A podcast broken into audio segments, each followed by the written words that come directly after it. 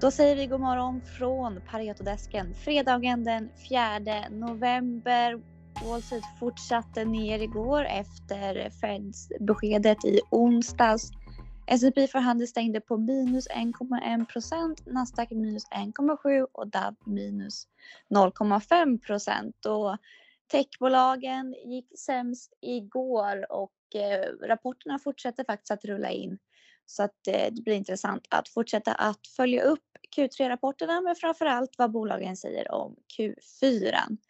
Nu ska vi prata lite verkstad med analytiker Anders Roslund. God morgon Anders! Hur har, God morgon.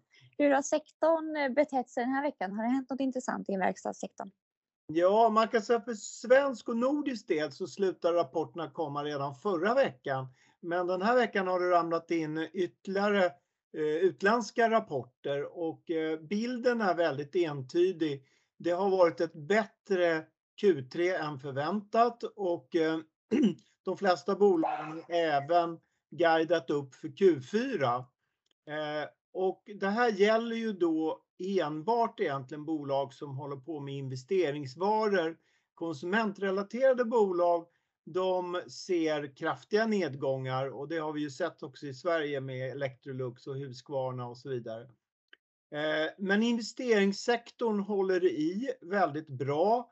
Eh, men självklart så kommer det ju bli en nedgång nästa år. Men vi kommer att starta på en väldigt hög nivå och det är det jag tror är viktigt. Det, det kommer bli bättre innan det blir sämre. Och det beror också på att vi har väldigt kraftiga orderböcker som har tagits under de senaste två åren men inte levererats.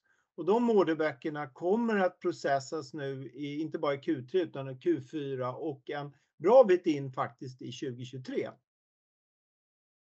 Mm, så bra orderingång men det känns ändå som att är det inte så att de flesta bolagen är positiva nu inför Q4 men som du säger sen så blir det sämre? Är det uppfattningen du har också?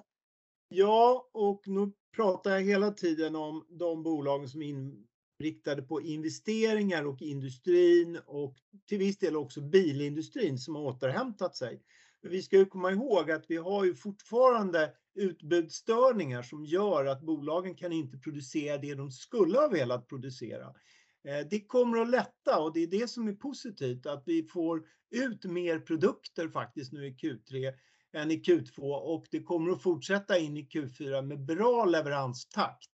Sen någon gång så, så under nästa år så kommer det naturligtvis bli en försvagning även på investeringarna.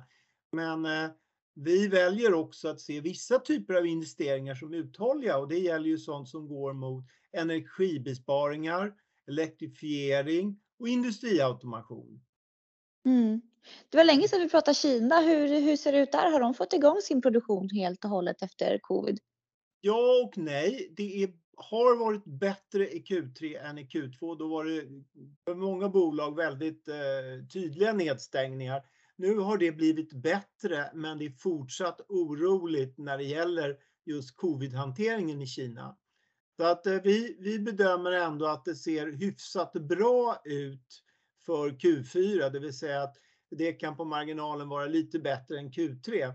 Eh, så att just Kina är faktiskt eh, fortsatt ganska bra efterfrågan. Mm. Ja, spännande. Alltid spännande i verkstad.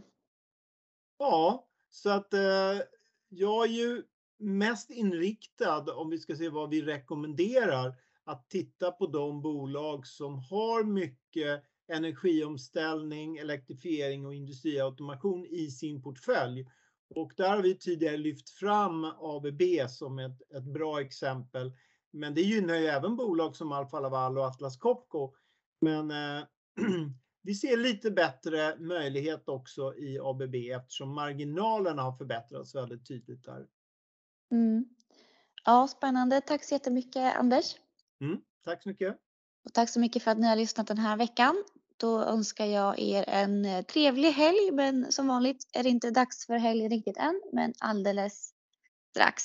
Och idag är det ju halvdag också, så det blir väl tidigare helg för de flesta av oss. Så ha det bra tills dess. Hej då!